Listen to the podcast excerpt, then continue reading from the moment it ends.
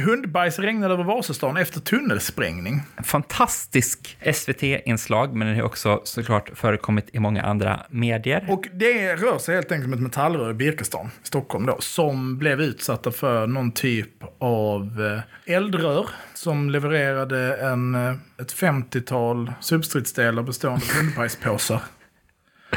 Som verkar ha liksom detonerat i luften på något sätt. Och helt Ja, ut ett det, kluster. on impact skulle jag säga. Liksom. Det är Alltså, saker. På bilderna jag har sett så ser det väldigt mycket ut som att, de är, att det har skett en spridning från höjd. Liksom. Ganska typiskt, liksom ett klustervapen. Och sedan slängt ut hundbajs då. jag har läst beskrivningar där man säger tänk dig att du kastar en bajspåse hårt in i en vägg. Och så liksom splash. Splash. Liksom. Ja, okej. Första frågan är ju, hur har den här kanonen skapats då? Den här Det är ju då befästningen. tack vare då att någon vid något tillfälle har placerat ett rör ner i marken där det hade kontakt med, eller fick kontakt med möjligtvis, tunnelbanesystemet där nere liksom. Och sen så gör man, man bygger någon sorts ny tunnelbana i Stockholm, jag vet inte vad de håller på med, men under Vasastan det ska gå någon tunnelbanelinje på något sätt. Det finns ju också bild på det här röret eh, och jag skulle säga att det är kanske, ja, alltså det kan nog vara 15 centimeter i diameter liksom, så det är en ganska 100 en grov 150 kaliber. millimeters eh, pjäs liksom. Det är ju NATO-standard.